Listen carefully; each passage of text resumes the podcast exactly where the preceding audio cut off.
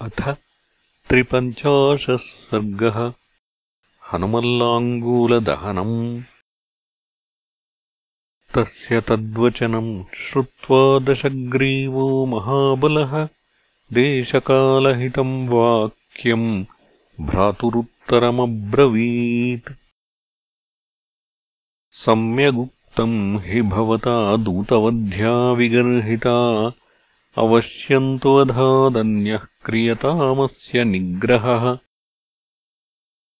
कपीनाम् किल लाङ्गूलम् इष्टम् भवति भूषणम्।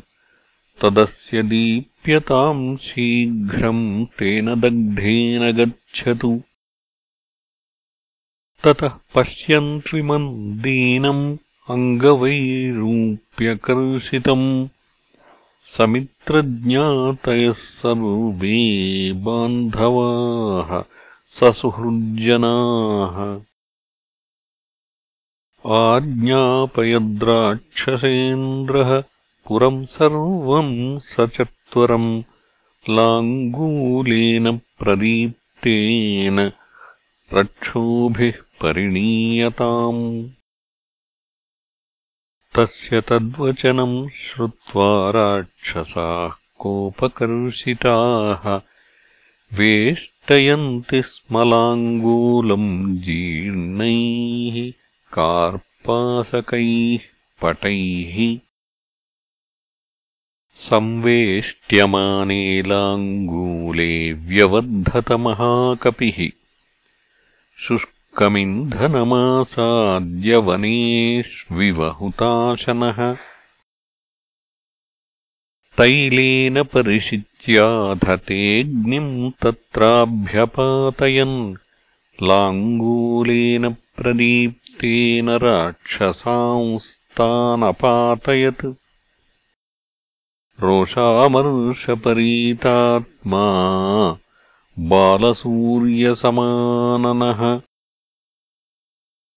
लाङ्गूलम् सम्प्रदीप्तम् तु द्रष्टुम् तस्य हनूमतः। सहस्त्रीबालवृद्धाश्च जग्मुः प्रीता निशाचराः स भूयः सङ्गतैः क्रूरैराक्षसैर्हरिसत्तमः। निबद्धः कृतवान् वीरः तत्कालसदृशीम् मतिम् कामम् खलु न मे शक्ता निबद्धस्यापि राक्षसाः। छित्त्वा पाशान् समुत्पत्य हन्यामहमिमान् पुनः यदि भर्तुर्हितार्थाय चरन्तम् भर्तृशासनात् बध्नन्ते ते दुरात्मानो न तु मे निष्कृतिः कृता। सर्वेषामेव पर्याप्तो राक्षसानामहम् युधि। किन्तु रामस्य प्रीत्यर्थम् विषहिष्येऽहमीदृशम् लङ्का चरयितव्या वै पुनरेव भवेदिति। रात्रौ न हि सुदृष्टा मे दुर्गकर्मविधानतः। अवश्यमेव द्रष्टव्या मया लङ्का निशाक्षये। कामम् बद्धस्य मे भूयः पुच्छस्योद्दीपनेन च पीडाम् कुर्वन्तु रक्षांसि न मेऽस्ति मनसः श्रमः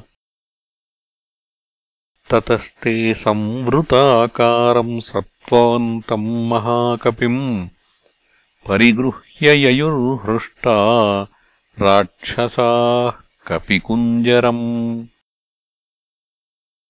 शङ्खभेरीनिनादैस्तम् घोषयन्तः स्वकर्मभिः राक्षसाः क्रूरकर्माणः चारयन्ति स्म ताम् पुरीम्। अन्वीयमानो रक्षोभिः ययौ सुखमरिन्दमः हनुमांश्चारयामास राक्षसानाम् महापुरीम् अथापश्यद्विमानानि विचित्राणि महाकपिः संवृतान् भूमिभागांश्च सुविभक्तांश्च चत्वरान् वीथीश्च गृहसम्बाधाः कपिः शृङ्गाटकानि च तथा रथ्योपरथ्याश्च तथैव च गृहान्तरान् गृहांश्च मेघसङ्काशान् ददंशपवनात्मजः। चत्वरेषु चतुष्केषु राजमार्गे तथैव च घोषयन्ति कपिम् सर्वे चारयित्येव राक्षसाः स्त्रीबालवृद्धा निर्जग्मुः तत्र तत्र कुतूहलात्। तम् प्रदीपितलाङ्गूलम् हनुमन्तम् दिदृक्षवः। दीप्यमाने ततस्तस्य लाङ्गूलाग्रे हनूमतः राक्षस्यस्ताविरूपाक्ष्यः शंसुर्देव्यास्तदप्रियम् यस्त्वया कृतसंवादः सीते ताम्रमुखः कपिः लाङ्गूलेन प्रदीप्तेन स एष परिणीयते। श्रुत्वा तद्वचनम् क्रूरम् आत्मापहरणोपमम्। वैदेही शोकसन्तप्ता हुताशनमुपागमत्। मङ्गलाभिमुखी तस्य सा तदासीन्महाकपेः उपतस्थे विशालाक्षी प्रयता हव्यवाहनम्। यद्यस्ति पतिशुश्रूषा यद्यस्ति चरितम् तपः यदि चास्त्येकपत्नी त्वम् शीतो भव हनूमतः यदि किञ्चिदनुक्रोशः तस्य मय्यस्ति धीमतः यदि वा भाग्यशेषो मे शीतो भव हनूमतः यदि माम् वृत्तसम्पन्नाम् तत्समागमलालसाम् स विजानाति धर्मात्मा शीतो भव हनूमतः।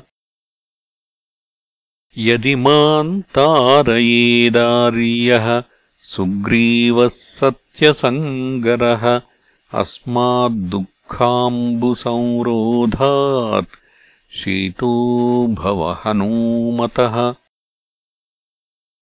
हनूमतः ततस्तीक्ष्णार्चिरव्यग्रह प्रदक्षिणशिखो नलः जज्वालमृगशाबाक्ष्याः शंसन्निव शिवम् कपेः हनुमज्जनकश्चापि पुच्छानलयुतोऽनिलः ववौ स्वास्थ्यकरो देव्याः प्रालेयानिलशीतलः दह्यमाने चलाङ्गूले चिन्तयामास वानरः। प्रदीप्तोऽग्निरयम् कस्मात् न माम् दहति सर्वतः। दृश्यते च महाज्वालः करोति न च मे रुजम् शिशिरस्येव सम्पातो लाङ्गूलाग्रे प्रतिष्ठितः। अथवा तदिदम् व्यक्तम् यद्दृष्ट प्लवता मया। रामप्रभावादाश्चर्यम् पर्वतः सरिताम् पतौ यदि तावत्समुद्रस्य मैनाकस्य च धीमतः रामार्थम् सम्भ्रमस्तादृक् किमग्निर्न करिष्यति सीतायाश्चारुशंस्येन तेजसा राघवस्य च पितुश्च मम सख्येन न माम् दहति पावकः भूयः स चिन्तयामास मुहूर्तम् कपिकुञ्जरः कथमस्मद्विधस्येह बन्धनम् राक्षसाधमैः। प्रतिक्रियास्य युक्ता स्यात् कथमस्मद्विधस्येह बन्धनम् राक्षसाधमैः प्रतिक्रियास्य युक्ता स्यात् सति मह्यम् पराक्रमे। ततश्छित्त्वा च तान् पाशान् वेगवान् वै महाकपिः उत्पपाताथ वेगेन ननाद च महाकपिः पुरद्वारम् ततः श्रीमान् शैलशृङ्गमिवोन्नतम् विभक्तरक्षः सम्बाधम् आससादानिलात्मजः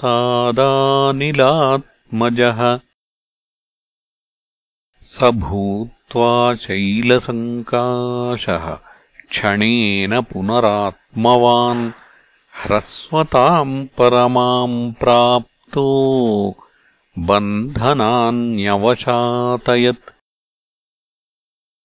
विमुक्तश्चाभवत् श्रीमान् पुनः पर्वतसन्निभः। वीक्षमाणश्च ददृशे परिघम् तोरणाश्रितम्। स तम् गृह्य महाबाहुः। कालायसपरिष्कृतम् रक्षिणस्तान् पुनः सर्वान् सूदयामासमारुतिः स तान्निहत्वारणचण्डविक्रमः समीक्षमाणः पुनरेव लङ्काम्।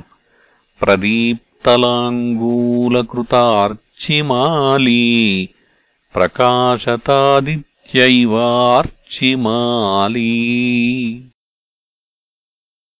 इत्यार्षे श्रीमद्रामायणे वाल्मीकीये आदिकाव्ये सुन्दरकाण्डे त्रिपञ्चाशः सर्गः